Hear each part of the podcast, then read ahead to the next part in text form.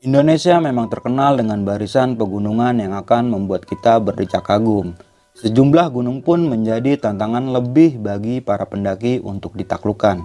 Namun, seperti yang kita pahami bahwa lokasi-lokasi alam memang menjadi tempat-tempat hidup makhluk-makhluk astral. Kamu bisa percaya atau tidak, tapi memang hal-hal seperti ini selalu dipercaya pendaki dan penduduk sekitarnya. Salah satunya kisah mistis yang dialami oleh seorang pendaki bernama Angga. Saat itu Angga sempat mendapat gangguan dari makhluk tak kasat mata ketika mendaki ke Gunung Sumbing bersama sembilan rekannya. Bahkan salah satu rekan Angga hampir wafat ketika pendakian kala itu. Penasaran dengan kisahnya seperti apa? Duduk manis, siapkan cemilan, dan selamat mendengarkan.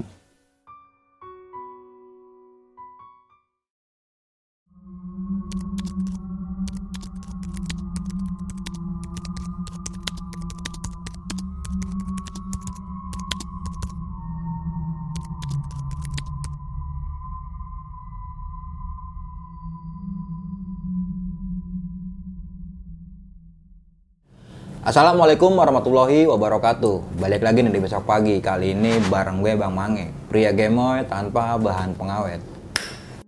Sebelumnya gue sangat berterima kasih banyak buat teman-teman semua Yang udah mensupport, menonton dan mendengarkan besok pagi Hingga sampai saat ini. Semoga teman-teman semua yang menonton selalu diberikan kesehatan oleh Tuhan Yang Maha Esa nih. Pada kesempatan kali ini gue masih berada di daerah Surabaya nih. Lebih tepatnya di timur pulau Jawa dan di samping gua kali ini udah ada narasumber yang mempunyai cerita unik tapi mistis nih. Oke, langsung aja nih gue sapa narasumber gua pada malam kali ini. Selamat malam Mas Angga Selamat. Romeo. Oke. Selamat kabar? malam Bang Mangi, kita bertemu Sampai lagi. juga nih gue di kampungan lu ya. Iya dong. Cak Surabaya, Akhir. Cok. Eh, Oke nih nggak sebelum kita lebih jauh lagi untuk mendengar cerita lu pada malam kali ini ya. Sebelumnya kan lu udah pernah menceritakan sebuah pengalaman pendakian di Gunung Argopuro ya. Itu pada tahun berapa sih? Argopuro itu dua- 2020 ya? Oke. Dan cepet juga cerita di Gunung Arjuna. Arjuna Welirang ya. Iya. Wah, itu nah untuk yang belum nonton ya pasti gokil banget itu ceritanya dah. Pada malam kali ini enggak, lu mau menceritakan sebuah pengalaman pendakian di gunung mana? Di Gunung Sumbing. Di Gunung Nih, Sumbing. di Gunung Sumbing.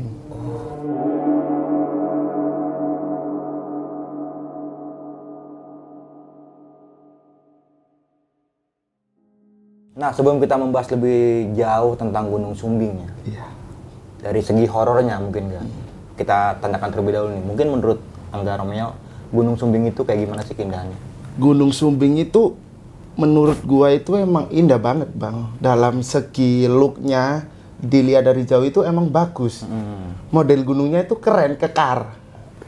Dibanding dibanding Sindoro ya yang mungkin puncaknya itu apa ya runcing atau Hmm. lancip gitu Sumbing itu lebih kekar kayak merbabu lah 11-12 lah Dan kita nggak bisa pungkiri lagi ya, bahwa saja sebuah keindahan itu pasti ada sisi negatifnya atau sisi nah itu pasti itu pasti Tapi sebelum kita masuk ke ceritanya nih, bagi teman-teman semua yang belum subscribe, silahkan di subscribe terlebih dahulu, like, comment, and share.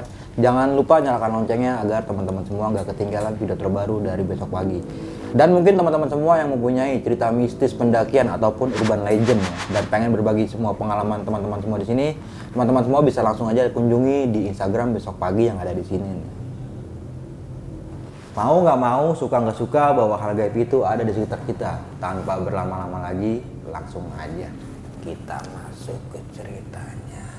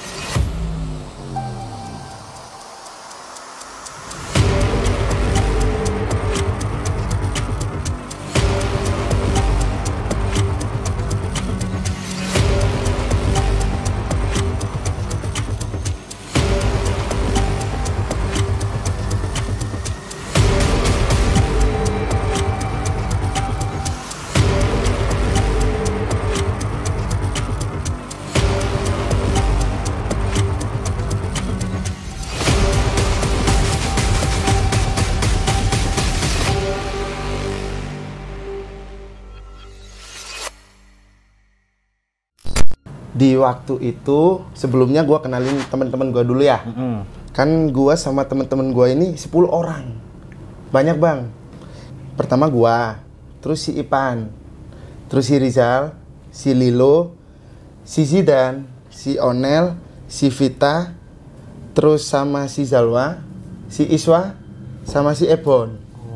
Itu ceweknya empat cowoknya enam. Itu dari Magelang semua sebagian besar yang dari Surabaya itu gue sama si Ipan. Jadi awal cerita itu tanggal sekitaran tanggal 1 sampai 3 Juni tahun 2019 itu gue gabut sama si Ipan. Karena emang waktu itu kan lagi libur. Gue gabut sama si Ipan Pan ngapain nih Pan gabut Pan? Mau liburan ke mana yuk? Lah gue punya saudara namanya si Rizal itu orang Magelang. Gue ngechat dong sama si Rizal Zal lagi di mana ini? Sibuk gak? Enggak kenapa gitu? Yuk liburan yuk. Diajaklah sama si Rizal naik Gunung Sumbing via Kaliangkrik nah di situ kan kita bertiga kan emang udah fix. Lah aku belum kenal sama yang lain. Aku ngomong ke Rizal Zal ngajakin teman-teman kamu Zal gitu. Biar ramean gitu. Ternyata si Rizal ini ngajakin teman-teman sekolahnya sama teman rumahnya. Dan ternyata banyak yang ikut. Ya 10 orang itu. Itu sebelum aku berangkat ke Magelang itu kan emang udah prepare. Nah aku sama si Ipan itu emang bener-bener siap gitu. Emang pengen liburan bang gitu. Lah aku aku sama Rizal ya aku sama Ipan itu OTW dari Magelang. Eh dari Surabaya ke Magelang itu tanggal berapa ya? Bulan Juni itu tanggal 9 aku berangkat dari Surabaya ke Magelang. Nah itu emang nggak langsung naik karena aku pengen tahu siapa partner-partnerku naik gunung besok itu. Nah tanggal 11 nya eh tanggal 10 nya itu aku kumpul sama mereka.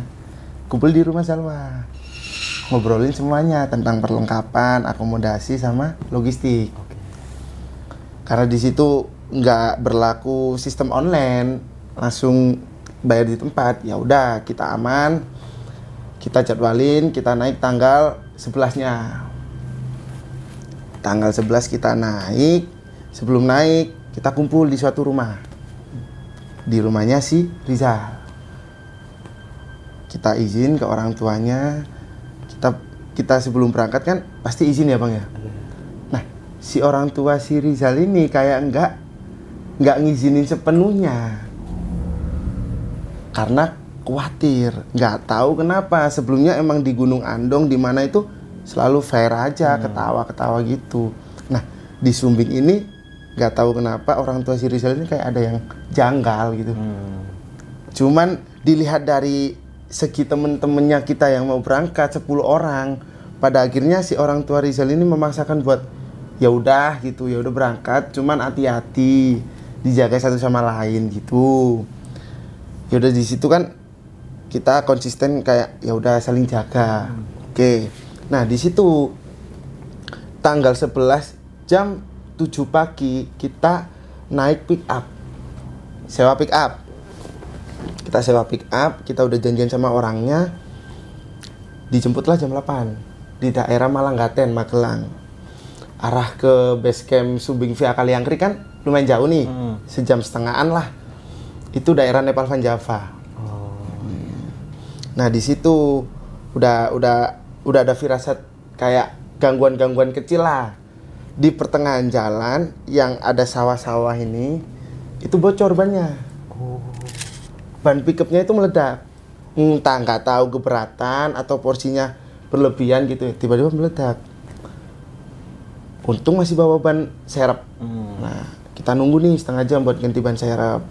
Oke lah setelah nunggu setelah selesai kita lanjut berangkat. Nyampe lah di base camp jam 11 kesiangan bang nggak sesuai jadwal karena banyak kendala yang dari ban bocor itu. Udah memakan waktu banyak nyampe di base camp jam 11 kita istirahat. Nyampe pendaftaran ada yang bagi tugas si Rizal ke loket. Si si aku sama si Lilo siapin barang-barang buat logistik. Terus si cewek-ceweknya pada bersihin badan semua biar dandan fresh. lah, dandan ya. oh, oh, dandan dandan lah biasa gitu ya. Nah sampailah di jam 1 semua udah siap kita berangkat. Start. Nah di Sumbing ini kalau yang belum tahu itu ada namanya ojek Sumbing. Hmm. Wah keren nih yo. Ojek gak ada obat, memang serius. Itu biayanya 15.000 dari base camp sampai plang pos 1. Nah di situ kita milih, bukan milih ya, kita nawarin ke anak-anak mau naik ojek apa jalan. Ternyata si anak-anaknya itu malah pengen jalan. Kalau jalan itu kurang lebih estimasi 1,5 jam, satu setengah jam. Iya. Mm-mm. Ya udah kita kita terpaksa jalan. Jalannya emang treknya konturnya sama kayak tretes bang. Awal Jalur haram. haram, Iya, Ya, haram terus itu. Haram dulu. Wah parah sih kata gua. Eh kata aku. Heeh. Nah di situ nyampe lah di pos 1 setelah sampai eh kita jalan terus sampai di perbatasan pos 1 itu gak ada apa-apa masih enjoy lah itu masih awal nah perjalanan dari pos 1 ke pos 2 itu kontur treknya kan kayak tangga Mm-mm. kayak tangga kayak tangga itu nggak tahu kenapa dua orang di belakang itu jatuh mulu bang. Nah di posisi ini kan lima orang di depan lima orang di belakang. Yang di depan itu siapa? Si Vita terus si Onel si Zidan si Lilo sama si Zalwa nah di belakang itu Ipan Rizal Iswa Ebon sama temanku satunya. Nah itu emang yang lima itu udah di depan, udah ngedahuluin lah katakanlah. Mungkin fisiknya lebih kuat, oke gitu.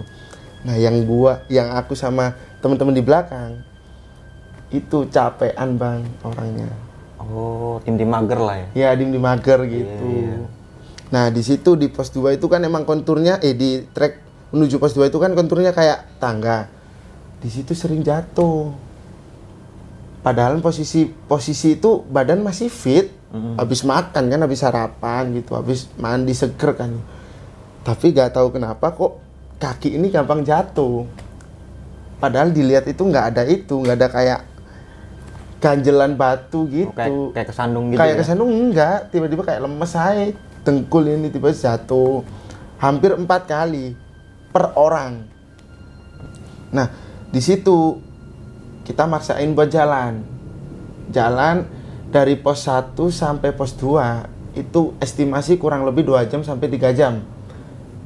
Tergantung fisik. Mm. Nah, waktu aku sama teman-teman udah nyampe pos 2, yang lain kan udah istirahat dari tadi yang lima di depan. Dia jalan. Kita istirahat, bikin kopi, bikin kopi masih enjoy nih, Bang. Masih biasa lah, cuaca masih cerah. Nah, pada suatu ketika kita mau lanjut, aku dengar sebuah bisikan.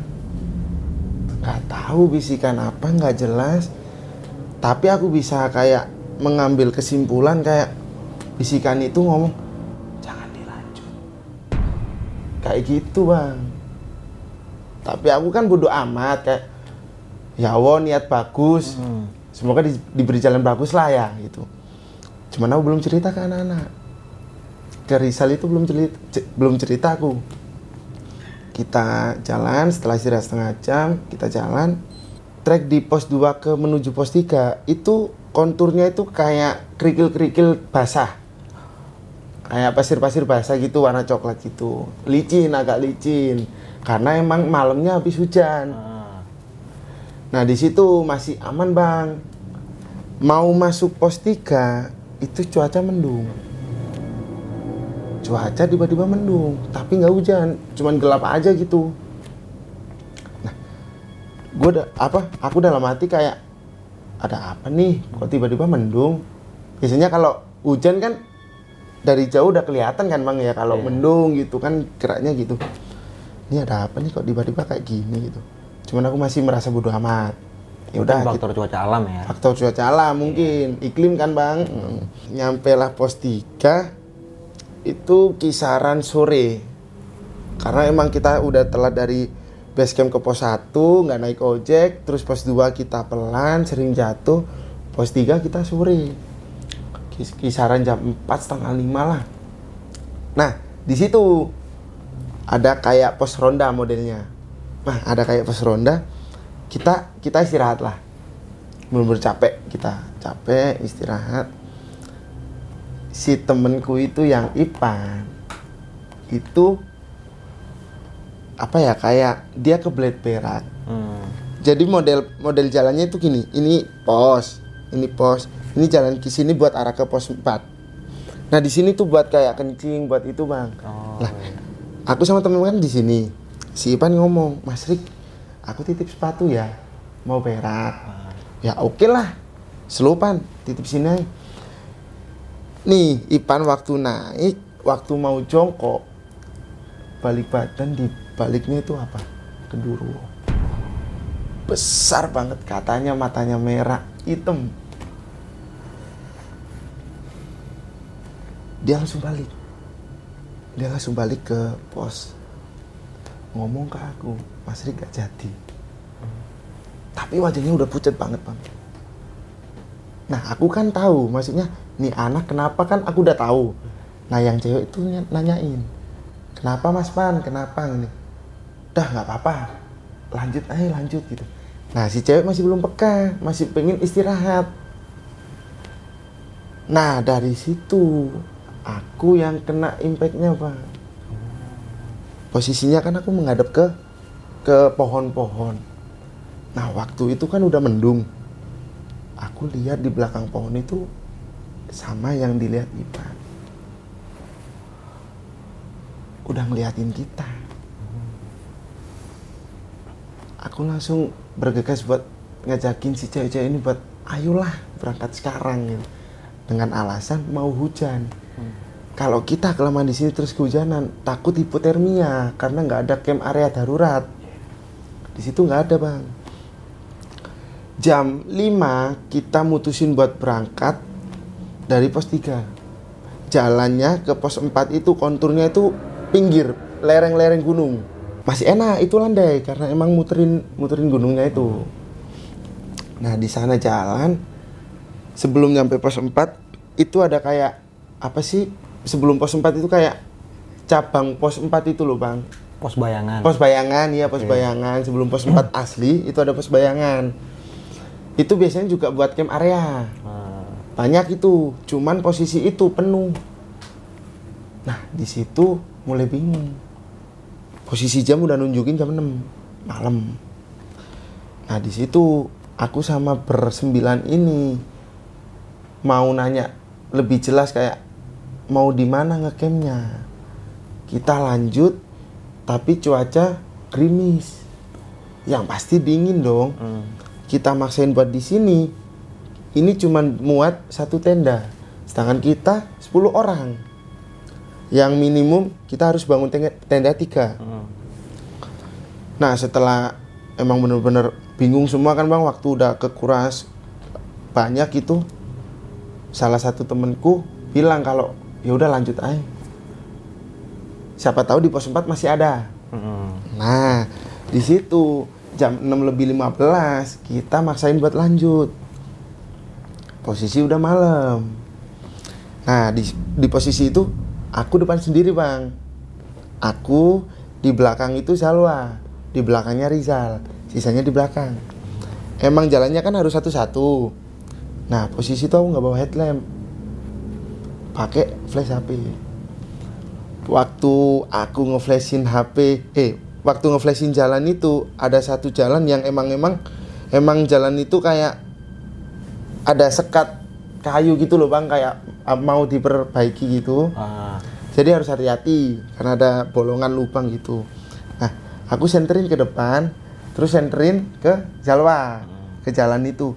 Waktu aku pindahin kamera itu flash itu di depan itu ada putih. Langsung lari ke atas itu tapi putihnya itu ada bentuknya. Bukan kayak kain doang itu. Jadi kayak ada bentuk manusia gitu. Cuman nggak jelas. Kayak sekelipetan gitu. Nah di situ respon dong kaget jangkrik gitu. Aku ngomongnya gitu. Si Salwa tanya kenapa Mas Rik? Kenapa ini? Enggak enggak apa-apa Salwa nah di situ ya di situ udah chaos chaos tuh. Udah pada pikiran yang enggak enggak udah pikir malam udah ini. Nyampe lah kita di pos 4 di pos 4 kita nyampe masih ada sisa dua slot dua tenda. Yang satu tenda masih sisa cuman pinggir jurang. Nah dua tenda ini dibangun duluan sama Nana emang khusus cewek. Nah yang satu tenda ini kita minta tenda orang lain buat geser dikit biar muat lah Iya. gitu karena kalau emang dipaksa kan gak cukup dua tenda buat 10 orang gitu. Akhirnya kita pasang. Satu tenda itu yang deket jurang itu setelah kita pasang setelah kita pasang ternyata bisa berdiri. Oke lah aman. Yang cewek masuk ke tenda yang cowok pada keluar. Ketemulah salah satu eh ketemunya ketemulah sama salah satu universitas di Semarang. Oke. nggak nggak mau nyebutin namanya ya pak. Pendaki juga ya? ya pendaki juga dia Mapala waktu itu Mapala dia bareng-bareng. Nah di situ kita ngobrol ngobrol-ngobrol-ngobrol nyampe tengah malam. Nyampe penghujung malam itu jam 2 kita tidur. Aku di tenda yang awal yang dibangun pertama tapi nggak ada ceweknya. Yang cewek itu di tenda kedua. Nah temenku si Ipan si Vanes Lilo itu sama si Rizal di tenda yang deket jurang kita tidur nggak ada apa-apa. Belum ada kayak godaan-godaan apa-apa bang. Waktu bangun tenda yang ketiga itu udah rubuh.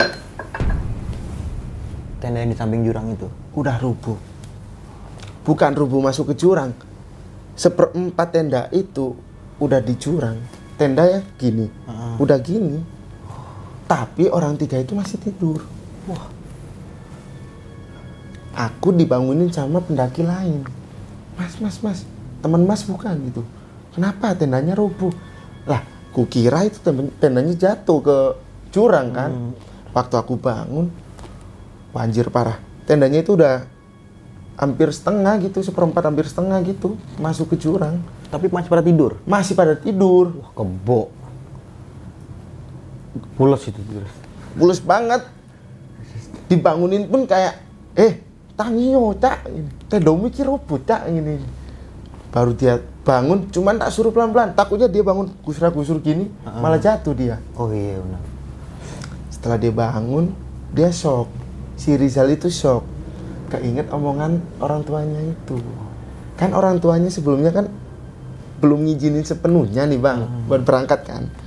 Nah di situ kita keluar buat nenangin diri lah gitu buat kita nyanyi nyanyi kita cerita cerita pagi jam 7 itu kita siap-siap buat summit tag Hmm. lumayan jauh summitnya karena kita masih di pos 4 bukan pos 5 sebenarnya pos pos terakhir pendakian kan pos 5 buat camp area gitu. Ya udah mereka maksain tinggal Iswa doang ini yang nggak yakin. Nggak tahu alasan apa nggak yakin diajakin summit itu Iswa ayo summit aku kok nggak yakin ya Mas Rik ya ini nggak apa-apa pelan-pelan gitu. Tenang tak tuntun gitu. Aku di belakangmu Iswa slow gitu. Nah pada suatu ketika dia mau dia mau nih bang. Jalan 15 menit di situ ada mungkin 2019 itu nyebutnya jembatan setan. Oke. Trek yang bener-bener lereng terus jurang ini tuh cuman bisa setapak doang. Satu kaki doang dan itu jalannya miring. Mungkin sekilas mirip raung. Ah.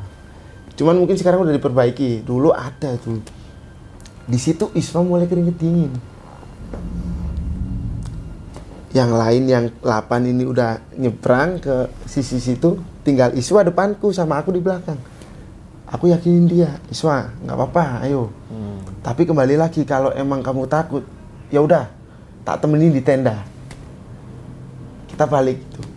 Dia nyoba selangkah terus balik lagi takut kan terus dia teriak aku nggak jadi ikut aku di tenda. Otomatis dong aku harus nemenin si itu. Karena nggak mungkin ditinggal di tenda sendirian kan gitu. Berlapan itu ke tenda. Eh berlapan itu samit aku sama Iswa di tenda. Ngobrol ngobrol ngobrol ngobrol. Gak ada apa-apa nih bang. Nyampe lah mereka balik jam 2 siang. Kata kata aku kan kok cepet banget? Katanya jauh. Hmm. si Rizal ini pucat mukanya.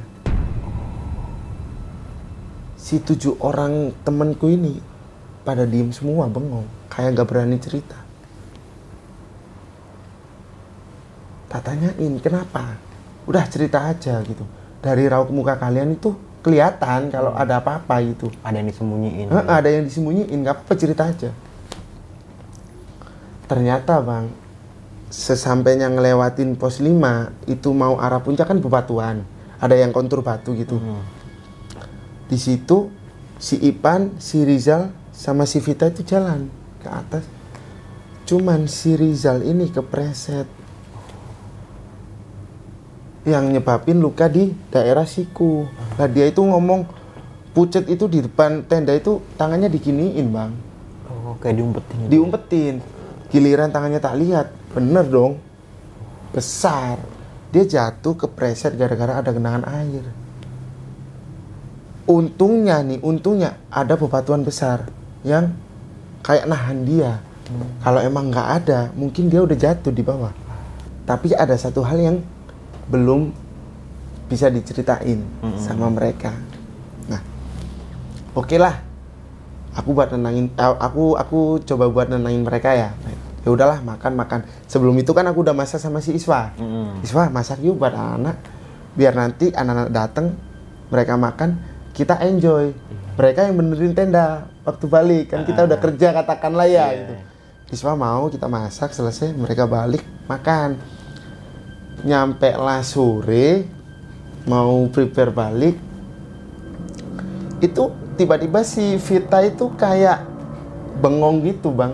Hmm. kayak bengong gak, gak bisa diajak ngomong kayak ngelamun tapi pandangannya itu kosong. Gak tahu kenapa tiba-tiba duduk ini dia gini. Nah si Onel ini nanyain ke Vita pakai bahasa Magelang. Fit gue ngopo? Rapopo toh? ini dia diem. Cuma natap Onel itu kayak mata kosong gini. Hampir lima menit si Onel takut. Ngomong ke si Ebon Bon. Iki piye Bon? Kancamu Bon gini nih. Nah sama si Ebon juga khawatir kan. Si Rizal ini walaupun banyak kejadian tapi dia coba nenangin si Vita. Maksudnya kayak nyadarin dia gitu. Disenggol-senggol terus sampai akhirnya dia gini kayak eh apa Sal? gini apa Sal gini ngopo gini ayo balik yo balik. Itu. Nah posisi mau balik kita pamitan sama anak-anak yang ada di situ sama anak apa kampus itulah itu. Mereka ngomong barengan hati-hati ya gitu. Tapi pelan hati-hati ya mas ini. Tapi bareng.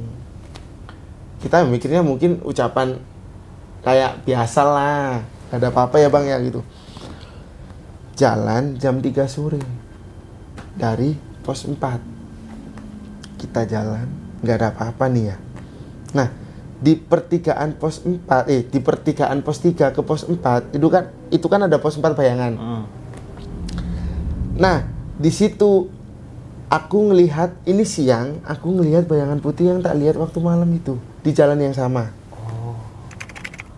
Itu siang, ya sama kayak sekelibet gitu. Di jalan yang sama, di titik yang sama. Tapi bedanya posisinya itu di belakang aku. Hmm. Karena si Vita di belakang. Agak khawatir kan sama si Vita. Cuman aku di aja bang. Yang tak heranin, si Vita kok nggak ngelihat. Atau apa apa apa jangan-jangan dia diem? Apa emang nggak ngelihat gitu? Nah, waktu jalan nyampe lah pos 3 yang tempat si Ipan ngelihat kedurwo itu. Sebelum lanjut ke cerita, untuk kalian yang ingin menjadi narasumber di besok pagi dan mempunyai cerita horor dalam pendakian, kalian bisa kirim cerita kalian ke Instagram official besokpagi.idv atau melalui email besokpagi.ch@gmail.com. di tempat pos 3 itu masih sore bang masih jam empatan lah itu jam empat kurang itu cuaca cerah cuaca cerah enjoy. Nyampe pos 3 itu ada salah satu temanku cewek yang nggak mau disebut namanya. Hmm. dia itu kencing. Pamit buat kencing. Nah di situ dia kencing katanya lihat ada kayak toilet. Yang nyatanya itu cuman semak-semak yang tingginya hampir se se ini loh bang sepinggul Hmm. tapi dia ngomongnya ada toilet yang di belakang tempat Ipan lihat genderuwo itu. Sebelumnya kan nggak tahu. Ada temanku cewek ngomong, kamu kencing di mana? Itu loh di belakang. Ada kayak toilet umum. Nah si Ipan kaget dong. Kan yang Ipan yang udah masuk ke area area situ kan Oh, bang. yang kemarin itunya ya? Mm-mm, yang kemarin berangkat itu kan cuman Ipan doang yang masuk. Ipan shock dong. Heh, ngomong apa kue? Ngomong apa kamu? Orang di sana nggak ada apa-apa. Lah, di sana ada toilet. Toilet mas gitu. Waktu dicek sama sembilan orang ini, itu pada shock semua. Yang dilihat itu bukan toilet. Ya, rumput-rumput itu bang. Oh, yang semak-semak itu. semak-semak itu. Emang gak ada toilet. Langsung shock semua pada merinding semua. Si A ini kenapa? Kok tiba-tiba lihat itu? Kita balik ke pos 3 kita ngomong lanjut. Ya udah lanjut. Kita jalan nyampe setengah lima kita jalan. Si berlima ini mencar lagi. Hmm. Yang di belakang itu tinggal aku, Iswa, Ebon, Ipan sama Lilo. Lainnya di depan. Hmm. Jauh lah katakanlah dia lari, sedangkan kita jalan. Karena emang postur tubuhnya kan besar-besar semua. Kita jalan santai, enjoy gitu. Nah, di pos 3 ke pos 2 itu kan turunan. Bukan tangga, masih biasa pasir, pasir licin gitu. Itu jatuh lagi, Bang. Sering jatuh pokoknya. Nggak tahu kenapa waktu jatuh itu kayak ada yang Noel gitu. Entah disuruh berhenti, entah gimana ya, Bang ya. Set. Dah, berhenti dulu. Ya udah, kita istirahat. Nah, sebelum pos 3 eh sebelum pos 2 itu pos 3 kan. Jalannya itu letter L. Hmm. Letter L gini, modelnya set gini, baru muter gunung gitu. Aku noleh ke belakang. Sama si Lilo. Barengan. Tiba-tiba noleh gini, ada kakek-kakek bawa tongkat naik. Yang dipermasalahin itu bukan kakek-kakeknya. Kalau emang dia naik, pasti ketemu dong di depan, pasti sapa dong gitu. Itu nggak ketemu. Dan kanan kiri itu bukan kayak pekarangan yang orang pedalaman gitu ambil apalah, emang bukan jalan di situ. Emang kayak jurang gitu. Tiba-tiba ada kakek naik.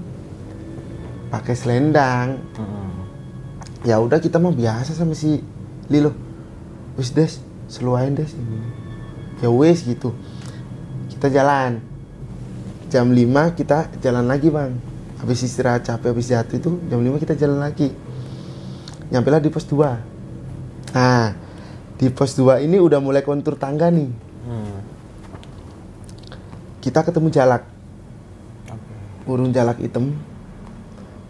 Nggak tahu kenapa jalak hitam itu kan ada entah mitos entah fakta yang mengatakan kalau ada jalak hal baik pasti dikasih hal baik hal buruk pasti dikasih hal buruk. Nah di situ aku masih mengesampingkan itu. Masih percaya nggak percaya lah. Nah si jalak ini muter-muter mulu di tempat itu bang. Nih nih aku sama temen-temen nih mungkin jarak 2 meter 3 meter ada burung jalak itu. Diliatin itu muter-muter aja. Nggak terbang. Nggak ke mana muter-muter aja. Kita mah bodo amat dilemparlah sama si Lilo batu. Jalak itu terbang. Sampai setengah sebelum setengah enam kita lanjut jalan buat ke pos 1 nah setengah perjalanan si Iswa jatuh. Langsung duduk dia. Habis dia duduk si Ipan jatuh. Habis si Ipan aku jatuh. Tiga orang beruntun secara berurutan Bergantian gitu. ya? bergantian di situ aku ngomong ke anak-anak wes yo istirahat sih tengkulku kemung apa ini tengkulku capek bang gitu Ya, kopong. kopong Iya. nah di situ emang istirahat pas lah sama azan maghrib Hmm. azan maghrib kita masih istirahat kita nyempetin buat bercanda dikit sepat lah pada suatu ketika si Iswa ini ngomong Mas Rik aku nggak kuat jalan. Si Iswa ini orangnya pemalu tapi kalau sama aku dia berani terbuka. Malu-maluan. hei Malu-maluin. bukan. Malu-malu kucing. Mm-mm, ke yang lain. Iya. ya kalau ke aku mah dia terbuka. Apa pun dia cerita ke aku. Mas Rik kakiku nggak bisa buat jalan kayak kayak capek kayak capek gitu. Berat rasanya. Ternyata dilihat di belakang sini ada kayak luka. Hmm. soalnya kan dia pakai sandal. Iya, iya. 2019 itu belum mengenal safety first gitu bang. Masih ala kadarnya gitu. Dia pakai sandal ternyata sandalnya gak dikasih ansaplas belakangnya. Oh, lecet, lecet, iya. Karena sering jatuh juga lecet. Nah di situ aku pakai sandal yang gak ada belakangnya. Sandal yang ginian lu bang kayak sandal jepit gitu Hmm. tak tukerin ke dia Iswa pakai ini jalan pelan-pelan. Nah di situ udah jalan hampir 15 menitan itu ngerasa kayak ada yang aneh. Jalan kok nggak nyampe nyampe kok kan setiap pos itu kan pasti ada kayak bendera gitu ya mau yang buat Nah, penanda. inceran. Heeh. kok yang tak lihat kok sama mulu gitu berlima itu pada ngerasa semua pada nulis semua itu 15 menit jalan tapi mungkin efek halusinasi capek Mm-mm. yang lima di depan itu udah jauh udah udah nggak ada komunikasi lah Udah nggak kelihatan. udah gitu. nggak kelihatan kita vaksin berjalan setelah maghrib itu setelah azan maghrib kan kita vaksin berjalan setengah jam 45 menit jalannya sama mulu yang dilewatin itu nggak sadar secara nggak sadar itu kayak ya tangga tangga tangga mulu itu. Padahal naik itu 2 sampai 3 jam. Yang notabene turun itu sejam pasti nyampe lah. Kalau kontur tangga kayak gitu kan pasti lebih cepet. Nah ini hampir satu setengah jam. Mau ke mau ke dua jam nggak nyampe nyampe nyampe lah Isa Isa adan Isa itu kedengeran adan bang. Di situ aku ngomong sama Rizal eh sama si Lilo. Des berhenti Des. Azan kenapa yo ini aku ngomong berdua tanpa dengar ketiga orang itu kenapa yo? Hah, aku mau jujur cuman aku takut Ri. Si Vanessa ngomong gitu. Dia ngasih plot twist gitu. Aku mau jujur tapi aku takut jujur kenapa? Jujur aja gitu. Nah di situ si Vanessa ngomong aku habis nendang sesajen. Si Vanes waktu di atas arah ke puncak itu nendang sesajen. Mungkin nggak sengaja, apa sengaja? nggak tahu dia bilangnya nendang. Mm-mm. dia nggak ngomong sengaja atau enggak yang aku pikirin kalau memang nggak sengaja masa kayak gini impactnya Iya. gitu kalau emang sengaja ya mohon maaf sebesar besarnya buat penghuni-penghuni sini lah bang gitu di situ kan sebelumnya belum cerita ya kalau Vanes ini non muslim Oh. Vanes ini non muslim sendiri dia non muslim sendiri nah di situ Vanes baru jujur setelah azan selesai kita berdoa masing-masing sesuai agama buat jalan. 30 menit kita jalan ketemulah perbatasan setelah sebelum pos 1 ini pos 1 jalan 30 45 menit kalau naik ke atas itu ada pelang kayak pembatas kayak oh ini mau nyampe pos 2 gitu bang. Nyampe di situ tengah-tengah Iya. katakanlah tengah-tengah. Si Iswa udah udah nggak kuat. Nah udah nggak kuat kan bang yang tiga ini tak suruh turun. Tak suruh turun ke apa ke base camp dulu buat ngabarin si berlima itu.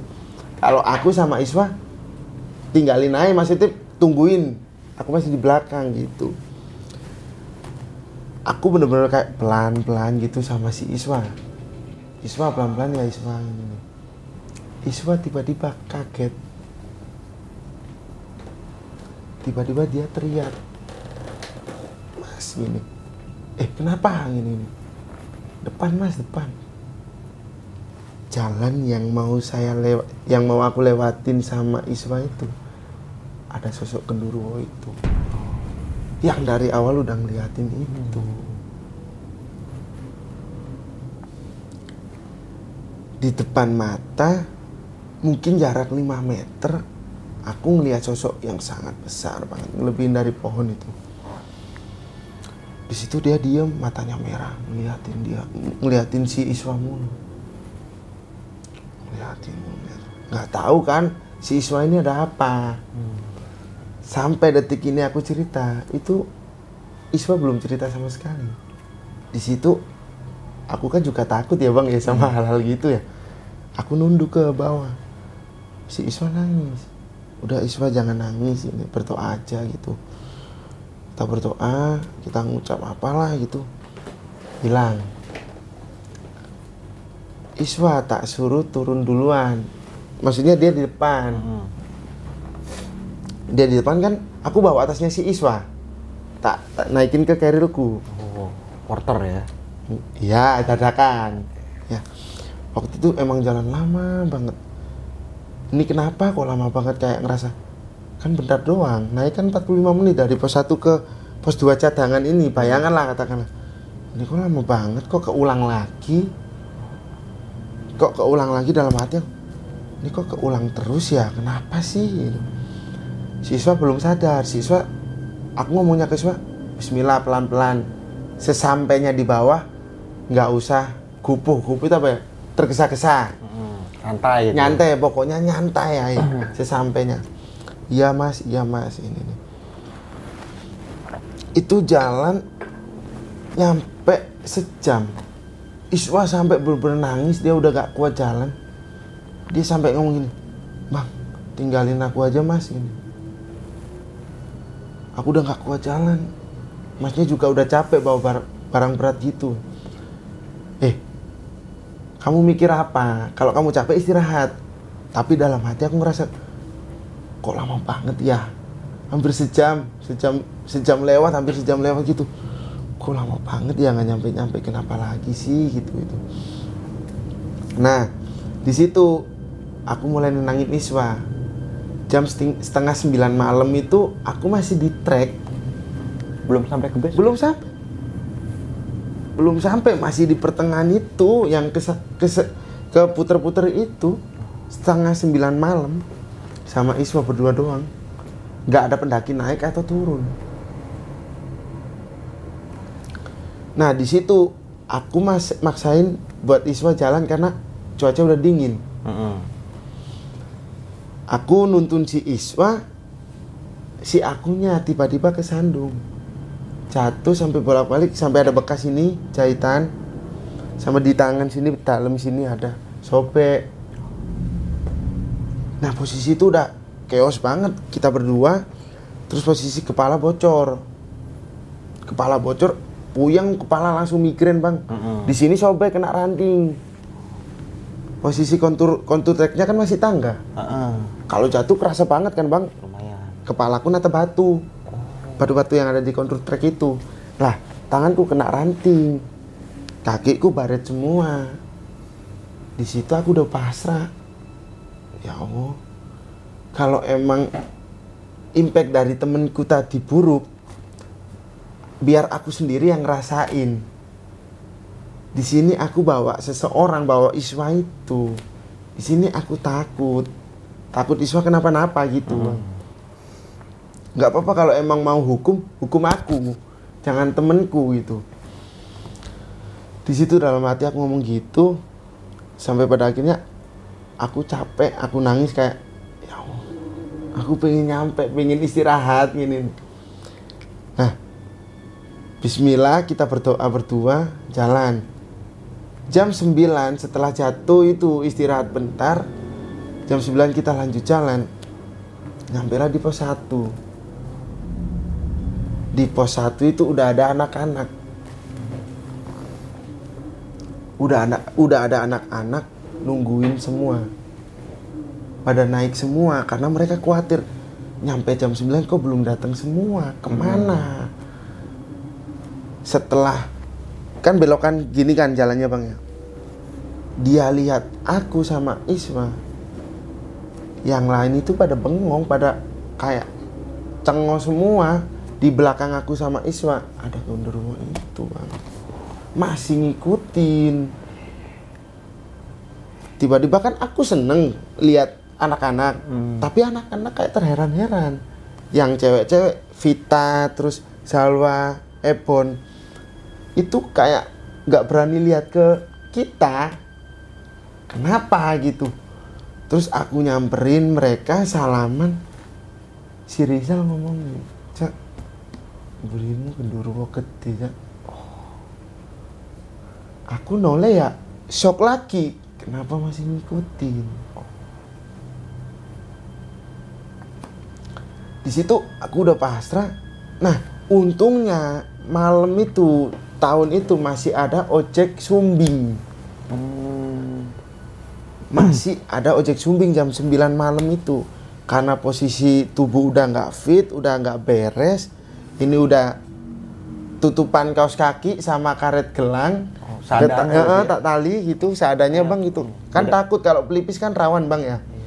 Udah tak tutup gitu udah nggak beres nih ini ojek itu langsung disewa sama si Iswa.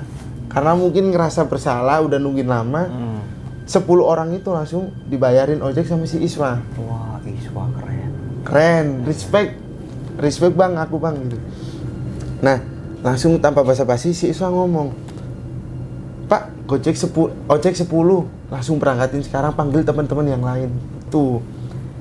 Kembali lagi yang 8 itu di depan Iswa sama aku masih di belakang. Hmm. masih Iswa istirahat dulu jangan jangan keburu-buru biar mereka. Intinya kita udah sama orang sini udah aman lah katakanlah ya bang ya. Udah aman Iswa ini nah itu cerita belum selesai dalam artian musibah yang aku alami belum selesai ojek yang tak naikin nyungsep nyungsep parah di ojek sumbing itu kan orang bukan di belakang tapi duduk di depan Heeh. orangnya yang bawa tas keril Iya. Nah di situ kontur trek kan bebatuan. Waktu turun belokan gini, waktu belokan gini, remnya blong. Siswa udah di depan, udah nyampe base camp lah katakanlah. Mau nyampe base camp, lah aku waktu belok itu nyungsep masuk ke sawah-sawah. Di situ nambah lagi, baretnya di kaki, kesleo, udah nggak bisa jalan di situ udah nggak bisa buat jalan itu ini sakit gitu masih ada bekasnya di sini lobang gitu Itu buntingnya. nih Yang merah-merah. Betul. bu- bukan. ini jahitan Iya, iya. Setelah jatuh itu aku ngomong ke ojeknya pak pak piye toh pak? Kok hati-hati gitu? Kok nggak hati-hati? Gimana sih? Gini iya mas maaf mas maaf, maaf. panggilin temen-temen pak Ini. udah nggak bisa ber- udah nggak bisa berdiri gitu. Nah di situ dipanggil lah kayak semodel kayak tim sarnya gitu tapi bukan tim sar. Ranger. Relawan relawan bawa tandu. Nah kan lumayan tinggi nih. Jarak jatuhnya itu lumayan tinggi dan lumayan kenceng di sini nopang bang. Kan depan duduk gini kan bang ya. nopang kena setir Oh, yang kiri. ketahan ya. Ketahan. Waktu jatuh kan gini bang. Ketahan gini. Langsung nggak bisa berjalan gitu. Diangkat lah pakai tandu. Dibawa ke base camp. Tapi bukan di base campnya karena di, di situ rame. Ada di rumah warga. Diobatin sama ibu-ibu. Namanya Bu Siti. Masih inget namanya karena emang kejadian itu masih melekat Ibu Siti bilang Masnya kok bisa sih jatuh. Lah Ibu Siti salah. Nanyanya ke tukang ojek bukan ke saya Bu gitu. Kalau nanya ke saya saya nggak tahu gitu. Yaudah diobatin pakai daun sirih sama racikan apa gitu. Percaya nggak percaya bang ya? Namanya kepercayaan warga situ. Lima menit setelah dipijat itu bisa jalan. Langsung bisa jalan saksinya orang sembilan temenku itu semua pada shock semua. Langsung bisa jalan. Ada Bu Siti namanya. Ketika langsung jalan aku mandi istirahat buat beres-beres. Balik ke rumah manggil pick up yang berangkat tadi. Pak udah Pak jemput sekarang gitu. Mungkin nunggu sejam. Oke siapa gitu ya. Nyampe lah pick up itu kita pamitan sama relawan-relawan tadi sama Bu Siti terutama yang udah ngobatin balik nih. Si Zalwa eh si, si Zalwa baru cerita. Kalau dia ketemu pocong mukanya merah. Waktu kita pisah turun itu. Dia baru cerita waktu di perjalanan itu. Nah Zalwa ngomong mas aku mau pas mutu, pas turun sama anak-anak itu ngelihat sosok pocong yang mukanya merah banget. Cuman aku nggak ngomong ke siapa-siapa. Nah sebelumnya si Zalwa ini emang sering banget naik gunung. Udah ke mana-mana lah katakanlah. Dia bisa menjaga diri gitu. Nah dia ceritanya waktu turun itu. Terus aku ngomong terus nggak apa-apa kan ini? Enggak nggak apa-apa kok santai ini. Di situ Vanes Va- Lilo itu ngomong semuanya minta maaf. Kalau emang terjadinya ini gara-gara aku mohon maaf sebesar-besarnya. Karena aku telah kayak abis nendang sajen itu. Nah yang lain kan juga ngertiin. Nggak mungkin dong saling salah-salahan gitu. Nggak apa-apa des kan kita udah nyampe rumah katakanlah udah selamat semua walaupun aku nggak dipikirin sama anak-anak selamat semua ini bocil semua nih kepala nih ya Mereka kan pada turun duluan tuh Iya kan. kan mereka turun duluan enak, gue nyungsep kan. Nah di situ udah ketawa-ketawa santai, belum selesai sampai di situ kita nyampe rumah itu jam satu malam.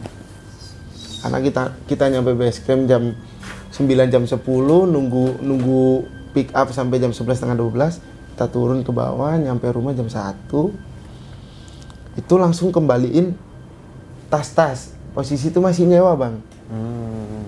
Masih nyewa. Nah itu telat. Kan sebelum perjanjian kan emang sebelum jam satu malam kan? Nggak tahu kalau ada kejadian kayak gini. Itu udah telat. Dikabarin udah bi- masih bisa mas. Kalau mau ngembaliin masih bisa kalau minjem nggak bisa. Aku berangkatlah sama si Onel sama si Lilo. Si Rizal udah capek. Waktu berangkat kan bawa tas banyak aku sendiri terus si Onel sama si Lilo ini kan boncengan. Arah buat ngembaliin tas itu jalannya udah gelap udah kanan kiri hutan. Di situ belum selesai. Genduruwo yang ketemu di situ ada lagi. Pas di pinggir bukan di tengah jadi kayak kita lewat selibetan itu masih lihat semua tiga orang itu. Aku mulai nggak nyaman. Mulai bener-bener nggak nyaman. Aduh aku takut diikutin sih kalau bahasa bahasa sininya kan kayak di- lah gitu ya. ditempelin gitu. Iya. aku mulai nggak nyaman gitu. Si Faris juga mulai merasa bersalah banget gitu. Rik maaf yo maaf yo ini. Udah santai nih santai gitu. Kita selesai ngembaliin barang kita balik aku langsung ngomong ke Ustadz di sana katakanlah. Ustadz di sana gitu ngomong. Badanmu kerasa berat ya gitu. Iya iya pak berat banget. Nggak tahu kenapa. Biasanya juga nggak secapek ini. Gimana nggak berat? Di punggungmu itu ada anak kedurwo itu jadi selama aku turun itu di sini ada anak kedurwo itu. Aku ngomong ke pak ustadznya pak ini bisa hilang nggak sih pak? Gitu. ya bisa tetap ada doanya gitu. Ya udah didoain didoain selesai. Disuruh langsung tidur. Jangan bergadang langsung tidur. Hmm. setelah paginya bangun bekas ini banyak banget bang kayak cakaran-cakaran gitu bang. Merah semua kayak orang kerikan gitu. Ah. aku kan nggak sadar waktu aku mandi nah Mak Yani itu bule aku katakanlah. Adiknya nenek aku. Hmm. itu kan asli Magelang situ. Kan aku tinggal di situ selama aku di Magelang. Mak Yani ini tiba-tiba ngomong Lole kenapa punggungmu? Kok beset semua? Kok kayak cakaran semua? Loh kenapa mak? Ini nggak apa-apa ini. Waktu aku ngaca udah banyak cakaran bang paginya baru bangun itu udah banyak. Dan setelah sadar itu badan langsung meriang. Dua hari dua malam itu badan meriang. Nah di situ udah ke pak ustadznya lagi katanya udah nggak apa-apa ini mungkin efek dia nggak mau lepas dari kamu akhirnya dia nyakar nyakar gitu. Iya, iya. Nah di situ udah didoain lagi. Allahu alam. Setelah itu udah selesai. Yang awalnya aku izin ke orang tua cuma empat hari ke Magelang, eh cuma lima hari ke Magelang, mol- molornya sampai seminggu lebih dua hari gitu. Ya gara-gara itu. Di situ aku belum cerita ke ibu. Hmm. Waktu cerita ke ibu, ibu kaget, shock gitu kayak, eh serius gini nih, Mak Yani saksinya gitu. Nah, setelah itu pulang kampung hari raya, satu keluarga rame. Gempar satu kampung itu yang beritaku itu. Hmm. Ternyata banyak banyak yang ngalamin sebelum aku. Ternyata korban korban tumbal se- se- selanjutnya itu ternyata aku, Bang. Korban tumbal. Tumbal kayak itu kan kayak tumbal buat Ah. ditempelin itu. Soalnya di jauh-jauh hari, udah beberapa tahun itu, ada yang sampai meninggal. Karena itu. Karena itu diikutin. sama, karena pendakian juga. Nah, kok untungnya waktu aku sadar itu, aku langsung ke Pak Ustadz itu. Dan itu berita gempar lah waktu itu. Mungkin itu aja bang cerita aku di pendakian di 2019 di bulan Juni. Itu di Gunung Sumbing. Sumbing. Via Kaliangkrik. Kaliangkrik. Itu disebutnya Nepal Panjapa ya? Neval Panjava. Wah, gue sering liat tuh di story-story IG itu. Di Explore IG kan. Mantap itu keren tempatnya sih. Bagus banget kan itu. Oke, thank you banget nih Angga Rome ya. Lu udah mau menceritakan sebuah pengalaman yang gokil banget sini. Di Gunung Sumbing ini pada tahun 2019 ya. 2019. Nah, kalau gue boleh kulas sedikit tentang pendakian lu nih kayak. Jadi ada yang berubah nih dari cara pembawaan lu atau logat lu nih. Yang tadinya yang dulu itu ya pas waktu ke Jakarta ngomong gua, sekarang ngomong aku. Hal ini kayak terasa banget nih suasana Surabayanya. Iya kan karena syutingnya di Surabaya. Oh, berarti itu sama juga kayak misalkan eh, menempatkan logat dan bahasa. Tempat iya. Keren. Kalau syutingnya di Madura, Oh, pakai bahasa-bahasa Sigit iya, gitu. engkau pakai bahasa Madura. Oh, iya. Oke, yang penting thank you banget nih kayak udah bawa eh, keren banget ceritanya. Tapi gue boleh tanya-tanya sedikit tentang pendakian lu di tahun itu ya. Siap. Berarti kan lu dari Surabaya ini cuma berdua. Berdua sama si Ipan. Oh, awalnya. Awalnya. Oke. Karena 8 orang itu kan dari Magelang semua. Tapi ada beberapa orang yang kenal nggak di Magelang itu? Si Rizal doang. Awalnya Rijal aja. Iya. Ternyata- Yang sisanya itu baru kenal di situ juga. Hari H waktu ketemu kumpul di rumah Salwa itu baru kenal itu bang. Hmm. Ternyata asik-asik semua, enjoy lah. Oke, cuma kan ada eh, satu temen lu tadi yang nggak dapet mungkin 100% izin dari orang tuanya. Ya, itu saudara gua, eh saudaraku. Ah. Itu saudaraku, namanya si Rizal. Oh berarti orang tua Rizal ini kayak nggak ngizinin kayak Nah, nggak ini. ngizinin, ya. Tapi pas setelah pulang atau ketemu sama nyokapnya Rizal itu ada sesuatu yang disampaikan nggak nih sama Nah, nyokapnya itu? aku belum ngomong ya waktu itu Ya. ya. Belum ngomong. Setelah sampai, ibunya si Rizal itu tiba-tiba nyamperin ke rumah Mak Yani. Mayani ini bude ya? Bule, bule. Oh bule. Bule ya. ya. bule. Tiba-tiba ngomong gini. Eh, kowe rapopo temenan gitu. Hmm. Kamu nggak apa-apa beneran. Dia itu ternyata dimimpiin, Bang. Oh. kayak dejavu gitulah katakan. Ah. Ibunya itu dimimpiin gitu. Tiba-tiba waktu udah nyampe rumah yang disuruh tidur sama Pak Ustadz langsung nyamperin. Hmm, langsung cerita kayak gitu ya. Iya, langsung nyentak gitu. Malam itu padalan. Lah aku ya sok kan. Loh, Mak, kok tahu gitu? Aku mimpi. Kejadian kayak gini. Ya wis, Mak, wis aman tenang. Iya. Aku tak istirahat gitu. Udah itu. Tapi alhamdulillahnya untungnya bisa selamat semua nih ya. 10, Selamat 10 semua. Pendaki itu nih. Termasuk Semua pendaki selamat. Cuman aku doang yang babra semua. Oke, tapi ya, ya cuma lecet-lecet dikit nggak apa-apa nggak masalah ya. Hmm, Nggak lecet. Iya. Hmm, bolong. Sampai cepet serius, sampai cepet bolong gitu. Ini ada bekas jahitan. Mungkin udah hilang. Udah hilang. ini. Oke, kayaknya masih ada garis-garis sedikit itu. Berarti sempat ngeluarin darah pas kejadian itu. bercucuran Oh. Banyak banyak bahkan baju yang dipakai waktu di Sumbing yang darah masih ada di rumah Belum Masih- dicuci.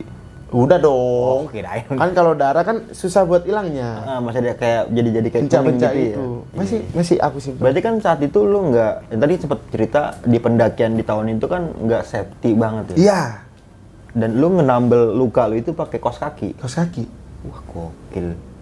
dan di situ aku ngerasa kayak bodoh amat sama infeksi Mm-mm. yang penting darah udah nggak keluar dulu Wah, kan kan kalau di kalau di pelipis ini kan kayak agak rawan soalnya kalau keluar dulu eh keluar mulu takutnya nanti malah migrain pusing pusing parah itu lebih parah kayak gitu. Nah, saya kan ada beberapa orang, eh bukan beberapa tapi lu ya sama siapa yang nggak ikut puncak itu? si Iswa Iswa ya. Iya. Akhirnya kan memutuskan buat masak ya untuk persiapan teman-teman semua pada turun langsung makan gitu kan. Iya. Kita langsung packing turun. hmm. Nah, kelapan orang ini kan lanjut. ya Tapi agak cepet tapi sampai puncak kan nih pada mereka? enggak Oh. Setelah tragedi si Rizal mau jatuh itu, Mm-mm. mereka berlapan langsung balik. Karena takut. Takut terjadi hal yang makin parah. Di situ aku respectnya ke mereka itu, Mm. Kompak lah ya. ya kompak dan nggak ambil keputusan yang salah, katakanlah nggak egois. Dan tak tanyain satu-satu waktu setelah semua pulih di Magelang itu, kenapa nggak pada ke puncak gitu? Puncak itu bonus mas, yang penting keselamatan, keren, respect lah katakanlah. Oke oke oke. Padahal puncak itu hanya tujuan dong. Puncak Eh, itu. enggak, tujuan itu pulang bang dengan selamat.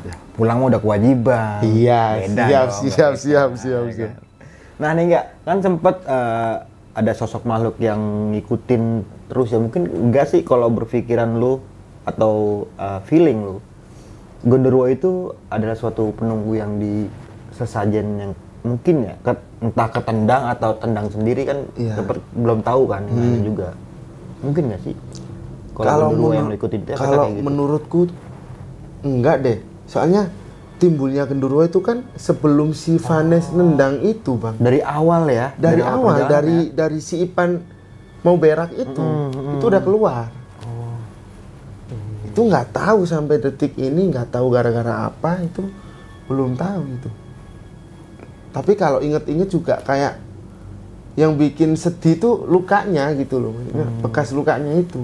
masih ada mungkin ya sekarang. Iya masih ada masih kesimpan semua barang-barang itu kan sempet uh, mungkin kalau nggak ketahan sama adanya batu yang gede itu mungkin udah Iya. nyeplos dong udah meninggal mungkin. Nggak bisa bayangin lah. itu berarti uh, rombongan yang 8 orang ini udah lewatin pos 5 Udah, udah lewatin berarti Mau. udah udah batas vegetasi, udah terus lumayan tinggian udah tinggi kan, iya. eh, udah batu-batuan. Sumbing kalau mau kok naik ke atas kan Iya, batu-batuan dikit. dikit, ya. eh. kalau lewat aja Mm-mm, Udah. kan kalau via Kaliangkrik itu puncaknya puncaknya namanya puncak sejati. Mm-mm. Mm, Jadi kan itu batu-batu full gitu. iya iya iya Udah berapa ya? Kurang dua jam sejaman lah nyampe puncak. mungkin tekstur uh, gunungnya itu puncaknya hampir sama kayak gunung selamat nggak sih Kalau selamat batunya warnanya oranye kayak kerinci. nah Kalau sumbing putih, cuma modelnya kayak gitu Iya, modelnya kayak gitu. cuma agak gede mungkin ya gede-gede. iya iya mungkin makanya Kan di sumbing juga ada batu singa. Batu, Batu kepala singa. singa itu, Ah, puncak iya. kepala singa itu. Tapi setelah itu lu ini nggak kan lu belum sampai puncak tuh. Ya. Tetep ini lagi nggak? Ngerapel, rapel, dirapel atau diulang lagi? Sampai sekarang belum terwujud. Wah. Janjian mulu sampai sekarang belum terwujud. Jakarta enggak gitu ya. Eh, Tapi via Kaliangkri ya bang ya. Kalau via lain pernah Ah, ikut open dulu. trip temen Iya. Tapi sampai puncak. sampai. Oke. Tapi ada pengen lagi nggak buat lewat jalur situ lagi? Kalau Kaliangkri pingin sih. Hmm, Nah, sama satu lagi nih kejadian aneh yang menurut gua yang gak dimasuk di akal ya. Yang Iya. tadi sempat bilang pas jatuh dari motor, Ya, itu kan lu nggak bisa jalan dan cepet dievakuasi dong ya. pakai tandu sama ranger sekitar lah. Setelah turun ditandu dan diurut, itu bisa langsung jalan, bisa langsung bangun. Lima menit setelah dipijet itu langsung bisa berdiri. langsung bisa Apa ini jalan. Ma- Mas Siti? Ibu Siti. Ibu Siti ya? Ibu Siti. ya. Oke, itu pakai ramuan apa apa sih? Nggak tahu kayak daun siri yang dicampur kayak kuning kuning apa nggak tahu ya kayak kencur, Oh, kencur mungkin. mungkin ya. Mungkin kencur itu diolesin doang sama dipijat. Udah lima menit setelah dipijat langsung bisa berdiri langsung bisa jalan. Percaya nggak percaya kalau emang belum ngalamin mah Hmm. pasti ngomongnya nggak percaya bang. Nah kan lu turun itu kan kayak ngegendong anaknya genderuwo itu ya. Hmm. Lu keberasa beratnya itu mulai dari pos berapa tuh?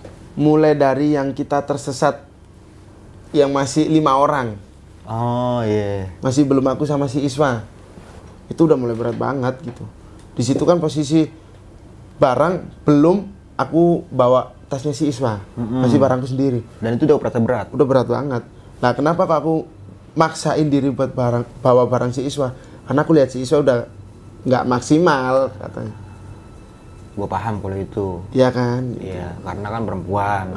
Laki-laki dong. gentle dong Iya. harus Pas turun masih sering berhubungan nggak sama akrab sebagai temen sampai sekarang? Enggak. Eh, lost kontak kapan di 2021 kali ya? Enggak, soalnya dia sibuk fotografer, Bang. Oh dia untuk tukang foto. Heeh. Keren keren. Nanti mungkin dari 10 orang eh 9 orang ya termasuk lu 10 kan ya? Iya. Ada yang mau menceritakan pengalaman ini dari segi sisi mereka mungkin ya bisa Oke. langsung dikabarin aja kan. Langsung aja kabarin, Bang ya. Berangkat ke Jakarta langsung ya kan. Siap. Oke, Oke, mantap. oke, Nih, oke. Angga Romeo. Sebelum mengakhiri video kali ini punya pesan-pesan nggak nih buat teman-teman semua? Ya, pesan-pesan buat teman-teman semua ya. Pokoknya kalau kita naik gunung itu sebisa mungkin jaga attitude lah sama etika. Kalau ada lihat kayak sesajen itu sebisa mungkin dihindarin lah. Kita saling menghargai agama orang kepercayaan orang kita harus bisa hargain itu. Jangan dianeh-aneh atau ditendang atau diambil apanya gitu. Dah udah biarin aja lah. Kalau kita mau selamat di mana bumi itu dibijak di situ langit dijunjung. Benar banget. Mungkin itu aja nih dari gua Bang Mange dan juga Angga. Angga. Romeo. Thank you. Gua pamit undur diri sampai jumpa di video-video selanjutnya. Wassalamualaikum warahmatullahi wabarakatuh.